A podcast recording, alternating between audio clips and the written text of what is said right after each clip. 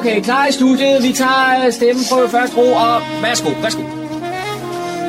Du lytter til din egen radiomodtager. Fremragende, den er købt. Vi tager den, den her. Okay. Og med det så siger vi goddag og rigtig hjertelig velkommen her til programmet, der hedder Morgenkrøderen. Mit navn er Kurt Kammersgaard, og jeg skal lige fortælle lidt om, hvad det, denne, hvad skal man sige, sommerudgave af Morgenkrøden, hvad den er indeholder. Vi har haft, rettere sagt, Berleburg-klubben har været en tur, til Skytterfest ned i Berleburg her den sidste uges tid. Og vi havde en par øh, raske medarbejdere med dernede, og de havde så også taget Helsingør Pigarde med i hånden. Hvad det kommer, kom det at, at, at løbe af, Ja, hvordan det løber af, ja, det får vi svar på her i nogle indslag, som John har lavet på turen ned til Berleburg til Skytterfesten dernede. Vi skal også høre noget om uh, All Star Jazz Band. Det kommer til Gilleleje nu her i næste weekend, tror jeg nok det er. Uh, hvad det er, der går ud på, og hvad det er for en slags musik, og hvem i hele taget All Star Jazz Band de er. Det har Jan kigger på. Så skal vi have nogle gode råd til dem, der her, i, når solen engang imellem er fremme, det er ikke hver dag, men det er også ligegyldigt.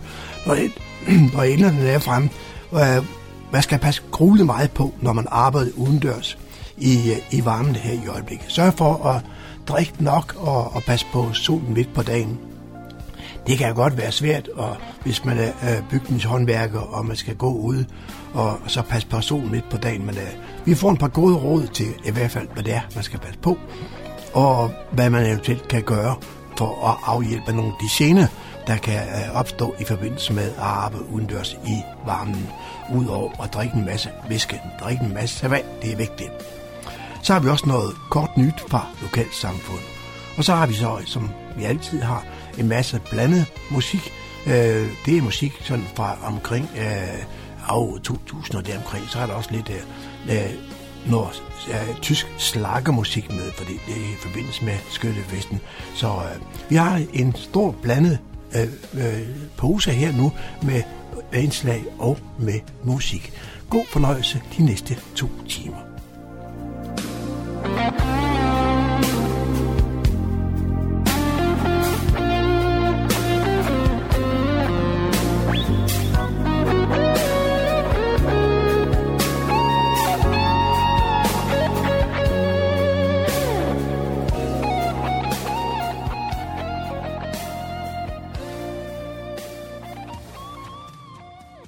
I sidste uge, der var Berlebo-klubben, der var de en tur til Skytterfest i Berlebo.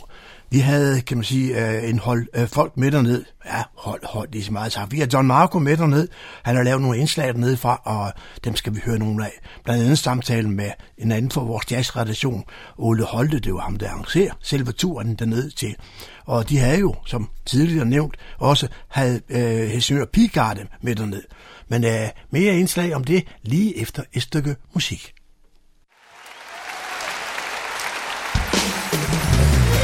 Arriva! Aufstehen! Aufstehen! Yeah! Arriva, alle aufstehen! Si, si! Jetzt, jetzt, jetzt, jetzt, jetzt, jetzt! Aufstehen! Komm, komm! Yes! Hey! Es. Die Liebe ist nicht nur ein Wort. Sie ist das Wichtigste im Leben. Ich habe ja zu dir gesagt,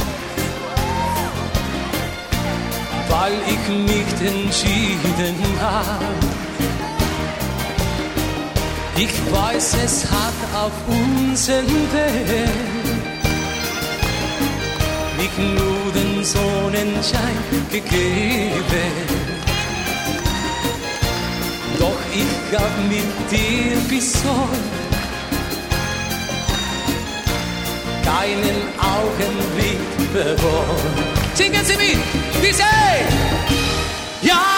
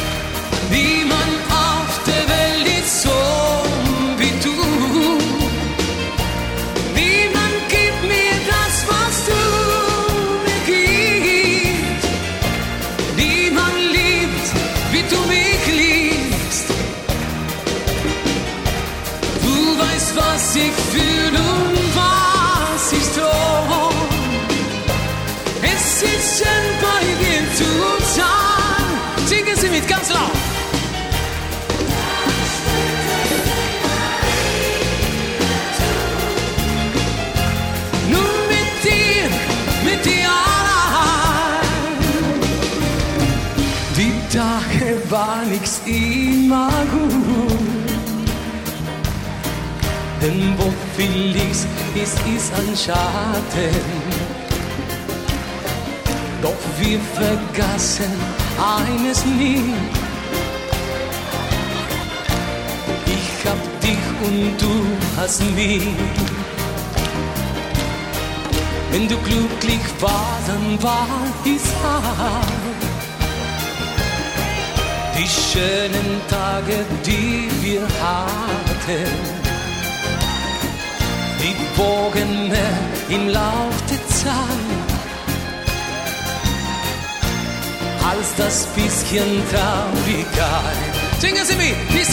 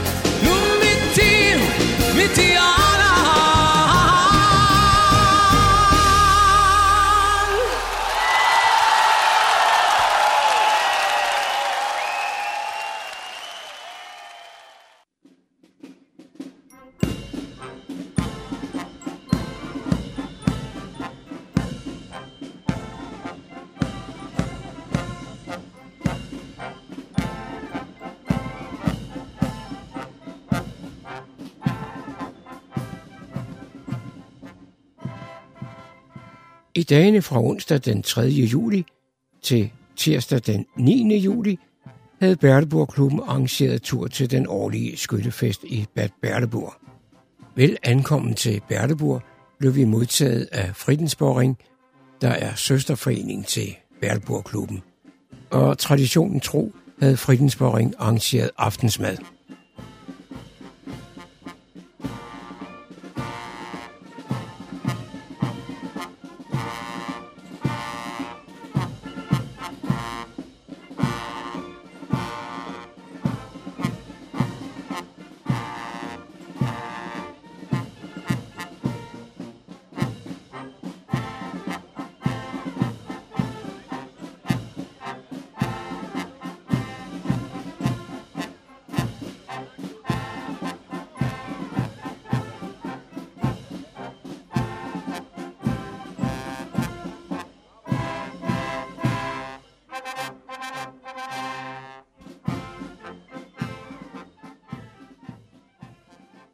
Under velkomstceremonien tog Ole Holte ordet og fortalte om en ændring i bestyrelsens sammensætning.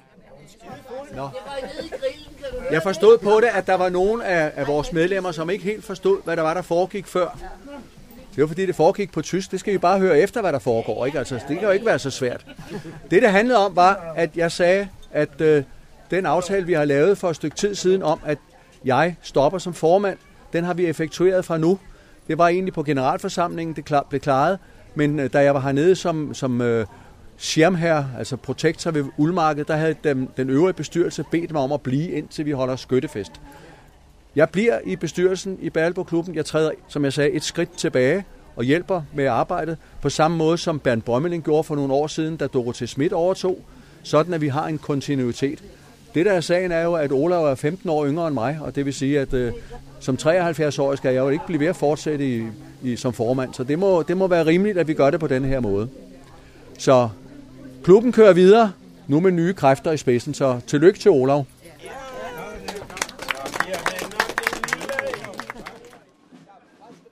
Selve skyttefesten startede fredag aften ved, at de forskellige orkestre fra byen og omegnen nærmede sig Gøteplads og spillede. Et af orkestrene kom fra Danmark. Det var nemlig Helsingør Pigegarde, der blev rigtig pænt modtaget.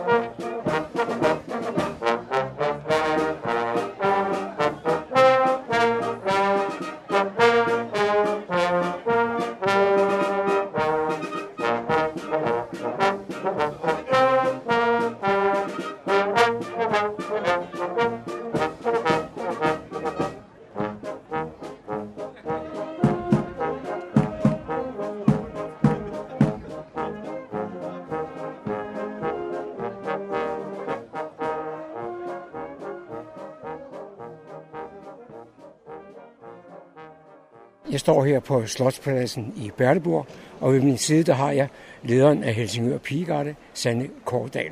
Og Sanne, hvad er der skal ske nu?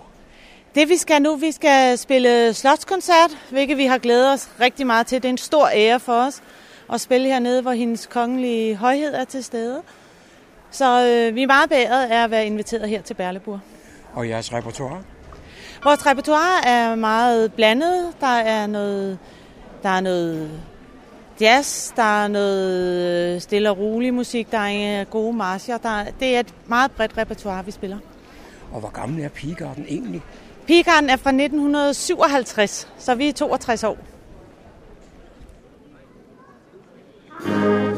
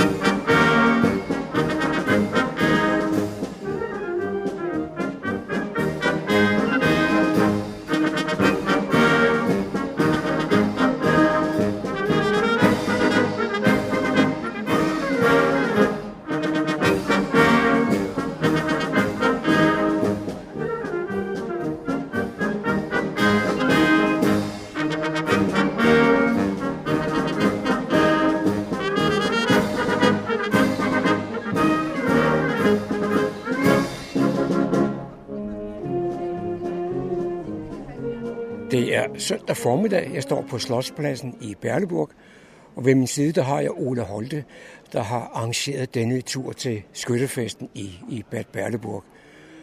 Og Ole, kunne du fortælle lidt om det program, vi både har været igennem og det, vi skal igennem? Ja, vi startede jo med at køre fra Fredensborg onsdag morgen, og så tog vi til Hamburg for ligesom at have korte turen over i, eller delt den over i to bidder, fordi det er en lang tur, der er 725 km fra Fredensborg herned, og øh, det vil sige, at vi skal meget tidligere sted om morgenen for at være hernede bare til, til aftensmadstid, og det, det, det er lidt anstrengende. Så vi tog et ophold i, i, i Hamburg og var så torsdag videre til Berleburg. Så var vi hernede i god tid, sådan at øh, vi kunne blive modtaget af vores øh, søsterforening Fredensborg Ring til sådan et modtagelsesarrangement, som blev beholdt hos øh, formanden privat, øh, Dorothee Schmidt, der er formand for, for Fredensborg Ring. Hjemme i deres private have, der havde vi sådan en lille party med et halv hundrede mennesker, så det var jo, det var jo rigtig hyggeligt. Og, og så fortsatte vi øh, øh om fredagen med et program, hvor vi havde arrangeret en busudflugt til byen Kreuztal, der ligger cirka 50 km syd for Berleburg. Og der ligger et, et meget stort og velkendt bryggeri, der hedder Krumbakker. Og der var vi på rundvisning og så først en film om, om produktionen, og var rundt og se produktionshallerne og tappeanlæg og deres logistik osv. En fantastisk oplevelse, som selvfølgelig sluttede med, at vi fik lov at, at prøves med bryggeriets forskellige produkter. Og det var i hvert fald heller ikke noget, folk synes var, var, var, var særlig kedeligt. Og så øh, fredag aften, der startede så skyttefesten ude på Gøtteplads lige her uden for slottet, hvor der var øh, fakkeltog om aftenen og taler og musik og underholdning. Ja, og så i går var der fugleskydningskonkurrence på skyttepladsen oppe i skoven, hvor den nye skyttekonge og øh, skyttedronning blev kåret efter, at fuglen var blevet skudt ned. Og øh, en af vores øh, deltagere var med og skød om Fredensborg Rings øh, pokal, og den tilfaldt øh, Hans Holm. Og, øh, og det gør så, at øh, så må han jo selvfølgelig give en, en, en omgang øl. Senere mødtes vi alle sammen, og så måtte han jo øh, drikke en flaske champagne af, af pokalen, fordi sådan er det jo, når man vinder sådan en. Så af med låget, ned med en flaske champagne, og så bare i gang med at, at tømme pokalen for det. Og så, ja, nu er vi, som du siger, søndag foran øh, slottet til Slotspladskoncert, og det er jo Helsingør Pigegarde, som øh, er det store klue i, i år. Og de 47 piger har man siddet gennem byen, og også var med fredag aften her. Og det, man kan godt se, det vækker øh, begejstring med, med, det flotte, med det flotte band.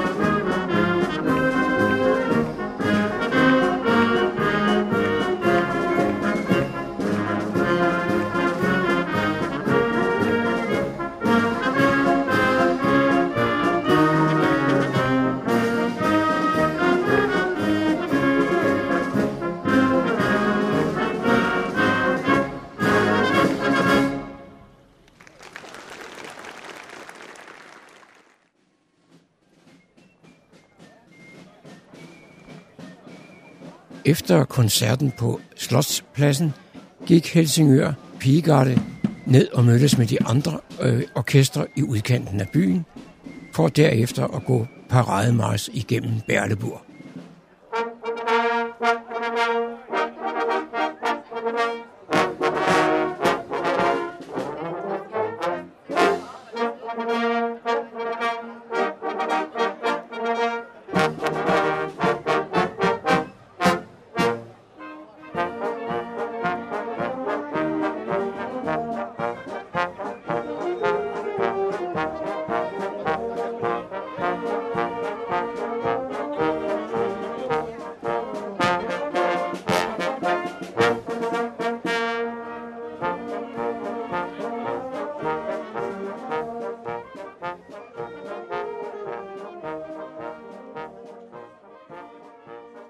Efter paraden i Berleburg blev samtlige orkester kørt til skyttepladsen. Her brillerede Helsingør Pigegarde med et flot tattoo.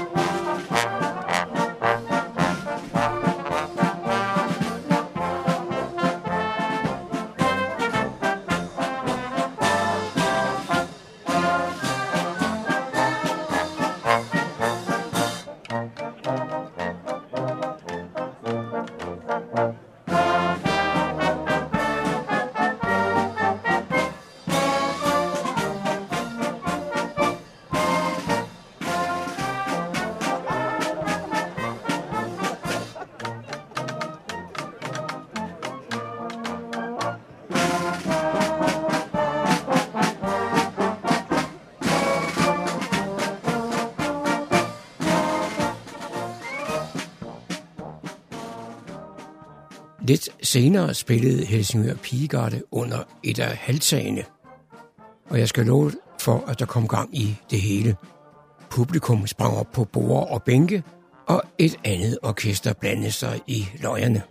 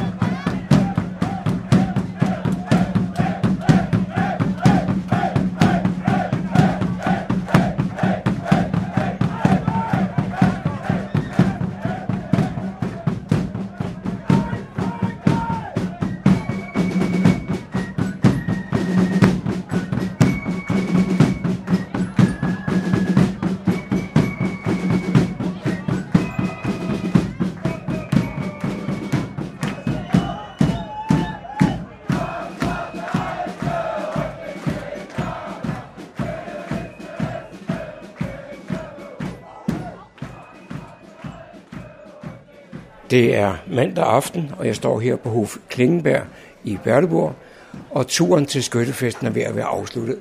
Og så møder jeg en af deltagerne, der ikke har været med tidligere, nemlig Kirsten. Kirsten, hvordan synes du, det her det er gået? Det er gået forrygende godt. Det er, mine forventninger de er indfriet. Og det har været hyggeligt, og øh, det har været øh, spændende også, ikke? Øh, at være med til skyttefesten, ikke? Og øh, Ja, men i det hele taget, der er en rigtig god stemning i, det, i, altså i den gruppe, vi er. Ikke? Så jo, det har været godt. Hvis du skulle nævne et, et højdepunkt, hvad kunne det så være? Jamen det var faktisk, øh, da vi øh, var øh, til indmarschen oppe på Berleburg, og prinsesse Benedikte, hun sad nede på pladsen, og, og så kom alle de her øh, festklædte mennesker, ikke? altså ind i, i parade, ikke? Det var rigtig fint. Det var altså virkelig damerne i lange kjoler og så videre. Ikke? Så det, var, det synes jeg, det, altså jeg havde ikke forventet, at hun ville dukke op på den måde. Det havde jeg faktisk ikke. Men så var der også koncerten øh, med, øh, med øh, øh, hvad hedder det, Pigegarden på Helsingør. Og de spillede fantastisk, altså. Det må jeg sige, det slog altså det hele. Og der, der sad også øh, Benedikte nede og, og hørte det øh, på Slotspladsen. Øh, og ja, men øh, det har været det har, det har været en op, rigtig god oplevelse.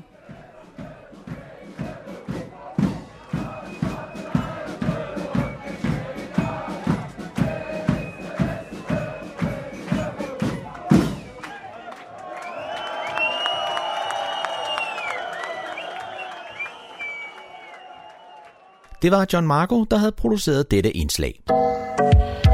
Du lytter til morgenkrydderen. Her lørdag den 20. juli er der jazzmusik på øh, Det Hvide Hus i Gitteleje. Og hvad det er for noget, ja, det har jeg ringet op til øh, Morten Sten Petersen for at høre lidt om, fordi øh, Morten spiller nemlig mere det orkester, der øh, skal optræde. Og velkommen til, Morten. Tak skal du have. Sommeren er jo øh, over os, og øh, det er jo sådan en rigtig god lejlighed til at komme ud og høre noget øh, god jazzmusik. Det skal du så være med til at bidrage med. Hvilken forbindelse er det? Altså, øh, vi, øh, jeg spiller med i et orkester, der hedder Egons øh, All Stars Jazz Band, Mm. Øh, og øh, øh, vi har strøget Egården, fordi vi synes, at øh, man måske får den fornemmelse af, at det er træskodans. Mm. Øh, men, øh, men det er ikke tilfældet. Ego, øh, All Stars Jazz Band er et øh, orkester, der spiller traditionel jazz, men med en, et, øh, en note af swingmusik. Mm. Og øh, derfor synes jeg jo også, at det er sjovt at spille med. Jeg har kun været der i øh, en, en fem måneder. Øh, men øh, det er sjovt, fordi øh, vi netop spiller traditionelle melodier, øh, men alligevel forsøger at gøre det med, med lidt, lidt swing-nerve. Og når nu er I hedder All Stars Jazz Band, og det er Stars med et sæt til sidst, så må der være nogle stjerner med i den der besætning, der er i orkestret. Ja, det er der sandelig også. Vores kapelmester hedder Hans Vilsom, og øh, Hans er rigtig, rigtig dygtig øh, på banjo, men faktisk lige så dygtig på guitar. Øh, og så synger han øh, rigtig fint. Det er, han, er jo, han er jo i hvert fald en stjerne, Jesper Gære over mig. Mm. Øh, og så har vi på, øh, øh, på vores øh, klarinet og øh, tenorsax Werner Thomsen, som spiller i forfærdeligt mange orkestre, men jeg spiller sammen med Werner også i det, der hedder Swing Team. Mm. Øh, og, øh, og Werner er i hvert fald en af dem, der bibringer en, en, en swing-note øh, øh, til orkestret. Men Werner har også i, i øh, lang tid spillet traditionelt jazz og gør det øh, rigtig godt. På basun har vi Kjeld Havgård, øh, og Kjeld er også øh, en af disse musikere, der har spillet i overvis øh, på sin person, og han gør det øh, også rigtig godt. Så er der Leif øh, Jensen, som er øh, vores bassist. Øh, Leif spiller med, øh, jeg var lige ved at sige, med snart sagt alle øh, traditionelle orkestre, har spillet utallige gange på Humlepoppen med, i forskellige sammenhænge. Øh, så han er i hvert fald også en, en øh, all-star. Og så er øh, der Erik, som står på tromme, øh, og øh, det er dejligt at have en fast øh, tromslager i, i baggrunden. Og selv spiller jeg altså så lidt klaver. Mm. Øh, så sådan er vi bygget op. Mm.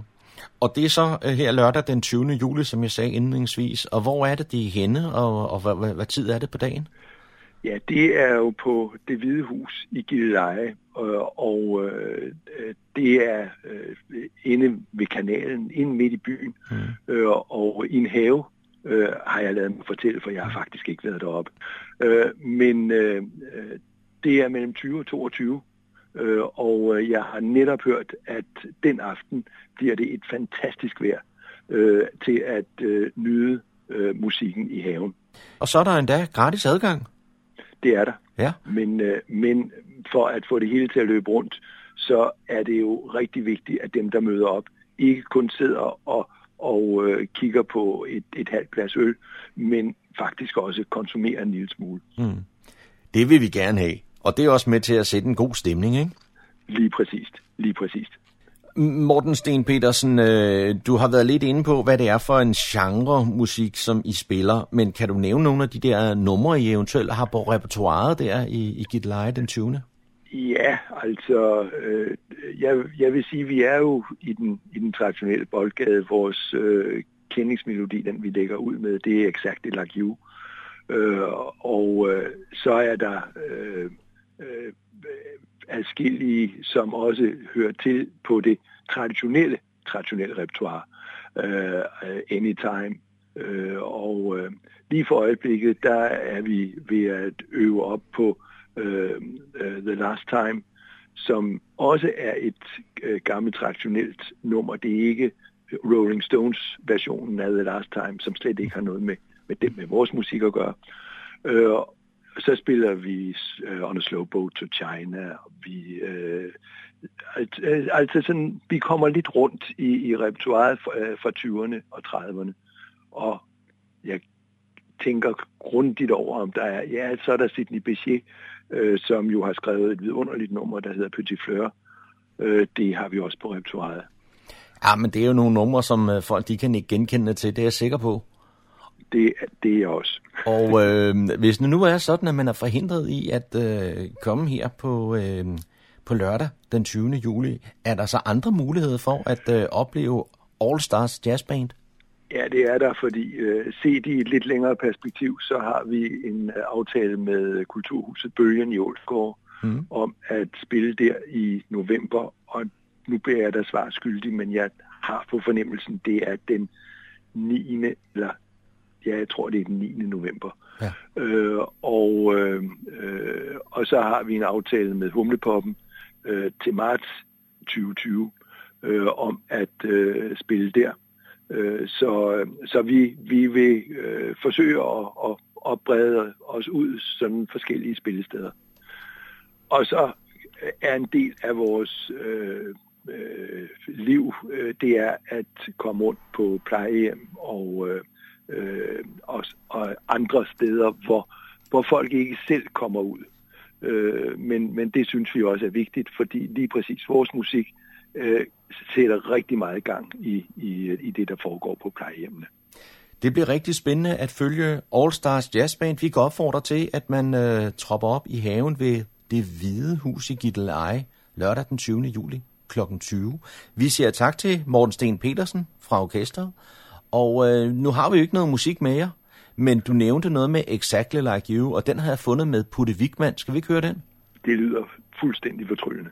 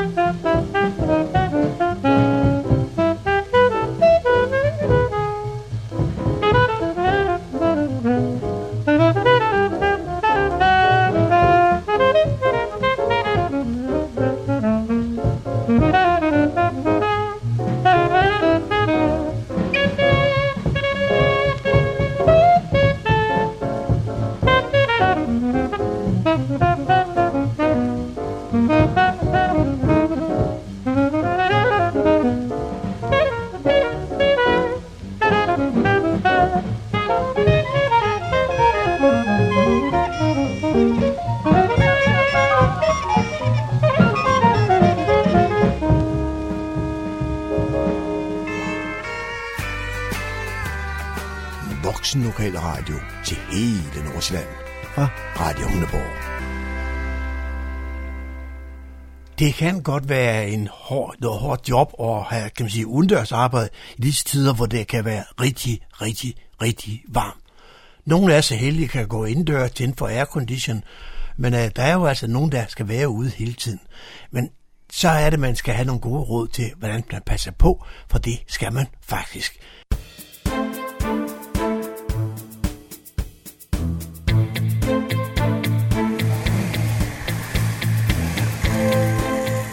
Der er ingen tvivl om det. Det er skønt at kunne arbejde udendørs, når det er sol og sommer i Danmark.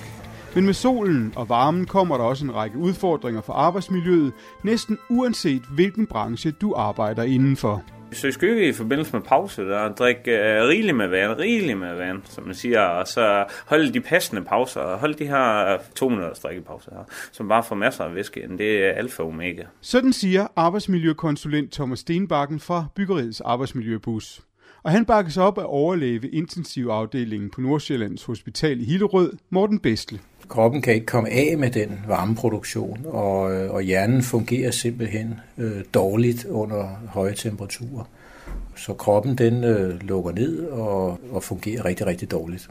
Og det giver så de her i yderste konsekvens meget alvorlige symptomer. Men det er ikke kun varmeudmattelse og hedeslag, som solen og det tørre vejr kan bidrage med, hvis man går og arbejder mange timer under åben himmel. Der er også risiko for hudkræft, og samtidig kan udtørring af arbejdsområder blandt andet give støvproblemer. I denne udgave af radioprogrammet og podcasten under hjelmene ser vi nærmere på udendørsarbejde, når det er sol og sommer, og i løbet af de næste 15 minutter kommer vi også med en lang række gode råd til dig, der arbejder i det fri. Velkommen til.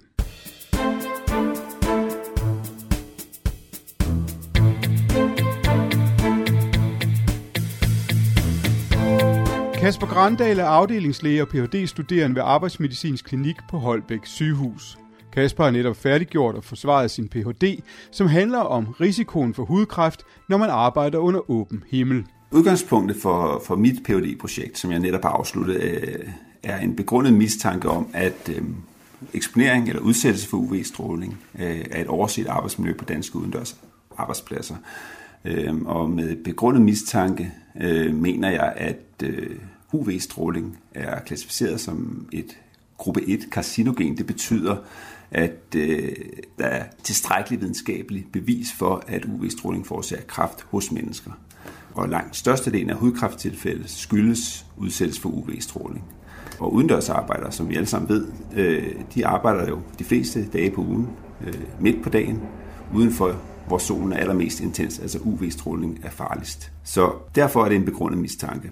Derudover viste en rapport fra 2013 øh, til Arbejdsmarkedets Erhvervssikring, skrevet af hudlæger og øh, arbejdsmedicinske eksperter, at øh, der er en stærk øget risiko for hudkræft hos udendørsarbejdere. Altså der er en videnskabelig evidens for det. Og året efter øh, åbnede Arbejdsmarkedets Erhvervssikring for, at øh, hudkræft kunne blive anerkendt som arbejdsskade. Derudover øh, er hudkræft den hyppigste kræftform i Danmark af alle kræftformer, og vi ligger faktisk relativt højt øh, på listerne internationalt over hudkræfttilfælde.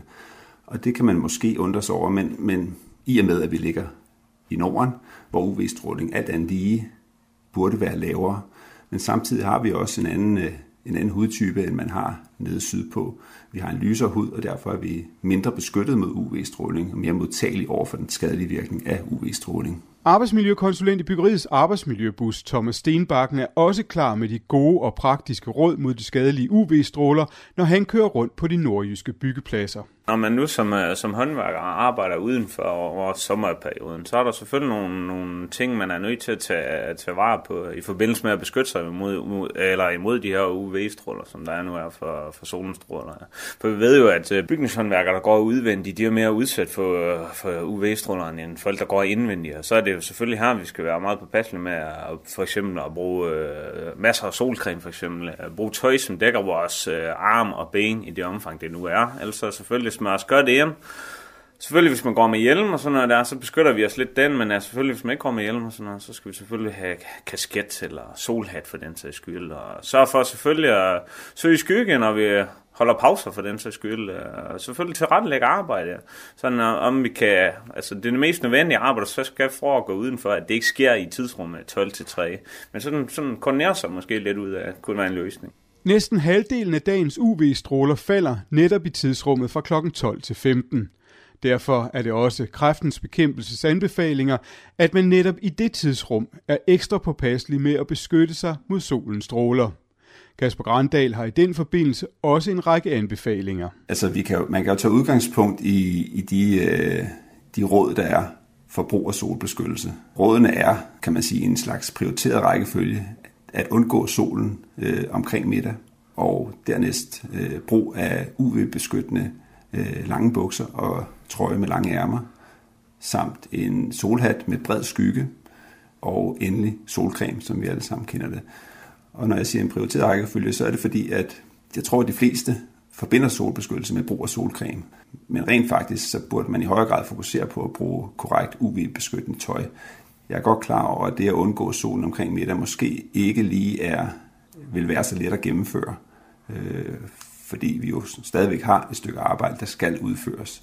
Men det er ikke desto mindre, viser vores forskningsresultater mellem kl. 11 om formiddagen og kl. 15 om eftermiddagen, at man er udsat, udsat for klart størstedelen af sin stråledosis for UV-stråling. Næsten 500 medarbejdere fra 20 forskellige faggrupper har deltaget i phd projektet Arbejde som årsag til hudkræft. Heraf er skillige inden for byggefagene. 3F og Dansk Byggeri har også bidraget til projektet.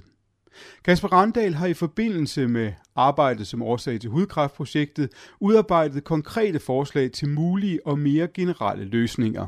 Vores forslag i POD-projektet er, at øh, der udarbejdes et sæt fælles retningslinjer for øh, brug af solbeskyttelse, indførelse af brug af solbeskyttelse på danske udendørs arbejdspladser. Øhm, og det vil selvfølgelig være et, øh, et kompromis. Øh, vi er godt klar over, at man ikke kan undgå solen midt på dagen nødvendigvis øh, i alle faggrupper alle dage på ugen. Hvis man indfører brugen af UV-beskyttende arbejdstøj, som er til at holde ud og have på i solen, når det er varmt om sommeren, bruger en bredskygget hat, gerne sammen med arbejdshjelmen, som man har på på byggepladser, nakkeslag, og dækker de utildækkede dele af huden, ansigtet, hænderne måske, hvis man ikke har arbejdshandsker på med solcreme, så er man rigtig godt øh, beskyttet. Så i hvert fald gjort det så godt man kan.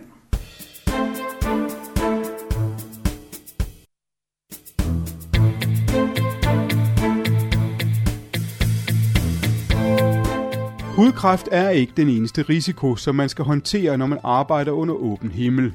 Varmeudmattelse, hedeslag og dehydrering er en række problemer, som påvirker langt mere akut. Vigtigst er det at drikke godt med vand og anden væske, når man har hårdt fysisk arbejde i det fri. 2,5 liter i løbet af arbejdsdagen lyder en god tommelfingerregel, men det er naturligvis forskelligt fra person til person. De mest almindelige symptomer på dehydrering er træthed, hukommelsesvigt og koncentrationsbesvær, og det er alle tre ting, der kan lede til farlige situationer på for eksempel en byggeplads. Nogenlunde de samme symptomer ser man, når det drejer sig om varmeudmattelse. Det fortæller overlæge på intensivafdelingen på Nordsjællands Hospital i Hillerød, Morten Bestle. De første øh, symptomer, øh, man ser på kan man sige, det varme udmattelsen, det er jo svaghed, træthed, svimmelhed, tørst, øh, tørstig, fornemmelsen af tørstighed, hovedpine, nedsat madløst, kvalme, øh, måske opkastninger, hvis det øh, udvikler sig over lang tid. Og hvis øh, varmeudmattelsen får lov at udvikle sig, jamen så indtræder der jo øh, påvirkning af hjernen. Og, og det er så det, der vil give øh, symptomer i form af måske i starten øh, bare forvirring. Personen bliver mere irritabel, eventuelt aggressiv, søvnig. Man kan opleve usammenhængende tale, øh, ukoordinerede bevægelser, dårlig balance, og i yderste konsekvenser udvikler det sig jo til øh, kramper og bevidstløshed og, og, og allersidst i, til øh, dybt koma. Igen en lang række symptomer, som kan bringe både dig selv og dine kolleger i fare. Overlæge Morten Bestle har heldigvis en række gode råd, som kan være med til at minimere risikoen for varmeudmattelse og hedeslag. Man kan jo bære løst hængende øh, tøj, det er mere kølende end øh, faktisk en, end en helt blottet hud, hvis man opholder sig i solen. Og så kan man sørge for at holde sit hoved koldt, det vil sige øh, have en hat på eller noget med en, en, en, en solskygge. Øh, man kan sørge for at holde sig velhydreret, det vil sige indtage væske, så man ikke mangler væske. Øh, det er jo også sådan, hvis man sveder meget, så øh, taber man salt. Så, så spørg, sørg for at få øh, et, et vist øh, saltindtag, det vil sige noget saltet mad. Og så er det meget vigtigt, at man afpasser sit øh, aktivitetsniveau, fordi hårdt fysisk arbejde er også med til at øh, øge risikoen for, øh, for hedeslag. Så, så nedsætte sit aktivitetsniveau, og så opsøge skygge og, og, og afkøling med, med koldt vand om, om muligt, med, med regelmæssighed. Og så øh, tid til akklimatisering, som man kan sige tilpasning, så, så man kan, kan i en vis grad tilvende sig ved at sådan øge tiden i øh, de varme omgivelser øh, sådan i gradvist. Hvis du enten selv oplever at blive omtoget, svimmel eller dårlig i forbindelse med varmen, eller hvis du ser en kollega, som virker usammenhængende eller forvirret, så er der også hjælp at hente ved en hurtig og helt simpel behandling. Det fortæller Morten Bestle. Den helt øh, grundlæggende behandling, det er jo at bringe temperaturen ned så hurtigt som muligt. Det er, det er meget enkelt. Og den mest enkle behandling, det er jo øh, punkt 1 at skabe skygge. Det er jo meget ofte udløst af ophold i solen, så tag personen ind i skygge, fjern varmt, stramt siddende tøj, som, som måske er det, der gør, at, at man ikke kan komme af med den varme. Det kommer så lidt an på, hvor, hvor, hvor langt det er nået. Hvis patienten er bevidst og, og selv kan drikke, så kan man give væske.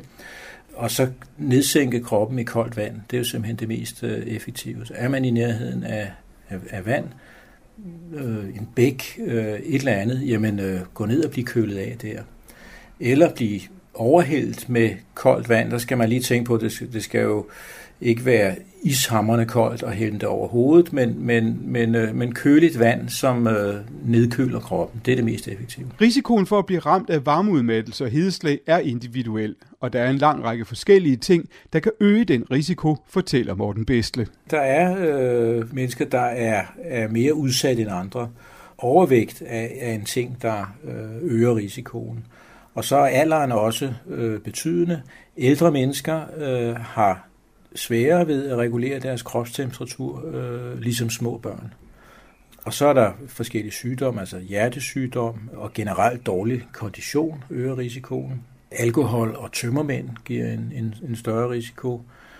Og hvis man ikke generelt har ubalance i kroppens salte, eller det man kalder elektrolytter, har man øh, forbrændinger herunder store solskoldninger, jamen så, så hæmmer det også ens evne til at regulere temperaturen.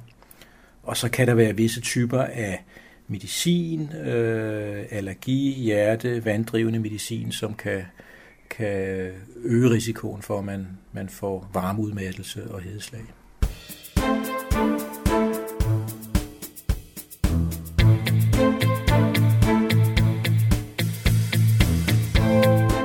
Slutter af med en lille bid om en af de andre ting, som man skal give lidt opmærksomhed, for eksempel på byggepladserne, når det er varmt og tørt. Jeg har et stort byggeri øh, oppe i Aalborg, hvor, hvor der bliver, foregår rigtig meget aktivitet. Uh, utrolig mange uh, maskiner, som kører rundt på pladsen her. Og i forbindelse med, at man graver op og det her, altså solen stråler og så vind og sådan noget der, det giver nogle udtørringer, og det giver nogle problematikker. Selvom du afvander med det samme, så er det jo tørt inden for relativt uh, kort tid. Så, så det skaber altså nogle udfordringer. Det gør det. Derfor mener arbejdsmiljøkonsulent Thomas Stenbakken også, at man skal sørge for at forberede sig på vind og vejr, når man arbejder i byggeriet om sommeren.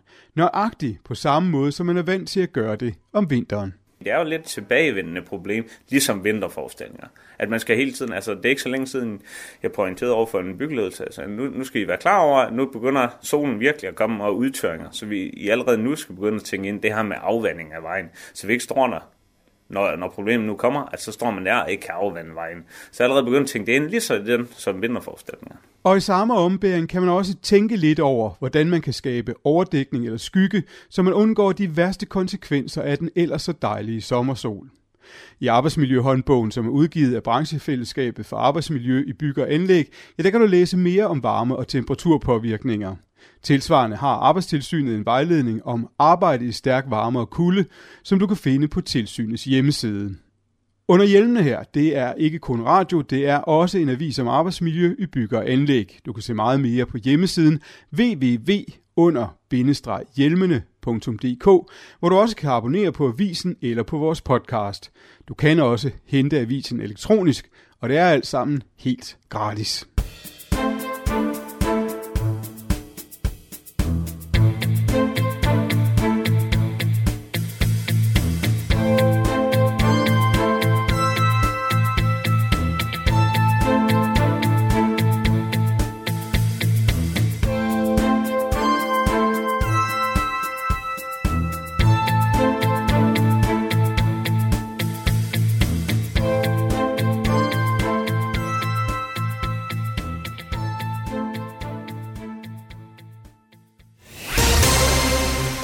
Så er det igen gået hen og blevet tid til nyheder og informationer fra Fredensborg og omegn.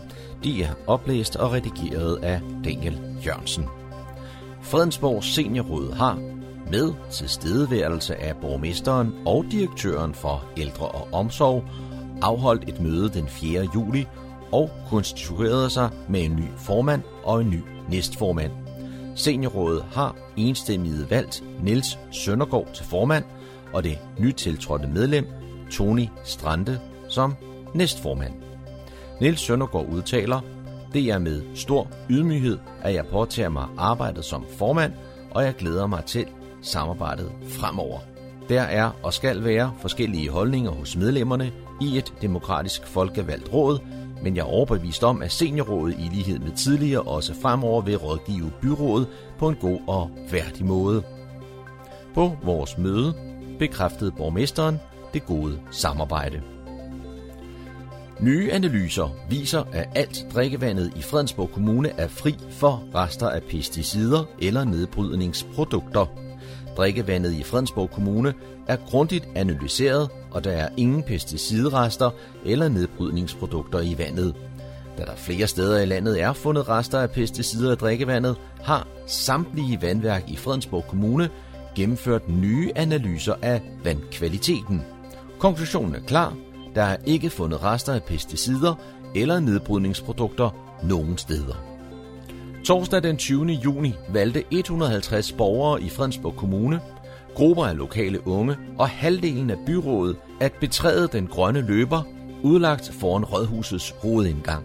Fredensborg Kommune havde nemlig inviteret til borgermøde om en ny grøn politik, der sætter mål for fem emner, CO2 og energi, klimatilpasning, drikkevand, biodiversitet og bæredygtigt affaldskredsløb. De mange borgere, der mødte op for at diskutere den nye grønne politik, viser et stort lokalt engagement og opbakning til, at vi som kommune fortsat skal i en grøn retning, udtalte borgmester Thomas Lykke Pedersen efterfølgende. På dagen satte Connie Hedegaard scenen og fortalte blandt andet om, at der bliver arbejdet for det grønne omstilling på alle niveauer nu, men at det er nu, der skal sættes ekstra tempo på handlingerne, hvis klimaforandringerne skal holdes på et håndterligt niveau. Lokale unge fra Langebjergskolen, Endrupskolen, Humlebækskolen og Miljøpatruljen i Kokkedal gav deres tydelige mening om behovet for handling til kende, og som en af dem udtrykte, den grønne omstilling ligger på skuldrene af vores generation, og en anden lagde vægt bag sine ord ved at påpege, at hun faktisk var stemmeberettiget ved næste kommunalvalg, og vil lægge stemme der, hvor man viser handling bag ordene og gør noget for klimaet. Der er kommet mange gode input til emner til politikerne, som vi skal arbejde videre med. Det sagde Lars Simonsen, der er formand for Plan, Miljø og Klimaudvalget, efter mødet. Og det var, hvad vi havde fundet frem af nyheder og kulturinformationer fra denne omgang, oplæst og redigeret af Daniel Jørgensen.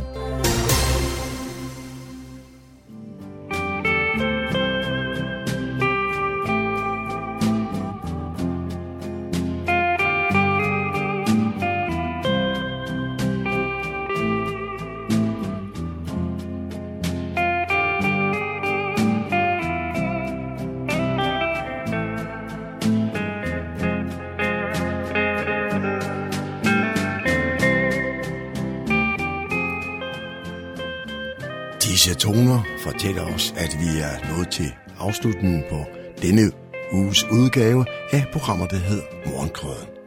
Her fra redaktionen, som består af undertegnet, jeg hedder Kurt Kammersgaard. Ja, der siger jeg tak for nu, og på genhør en anden god gang.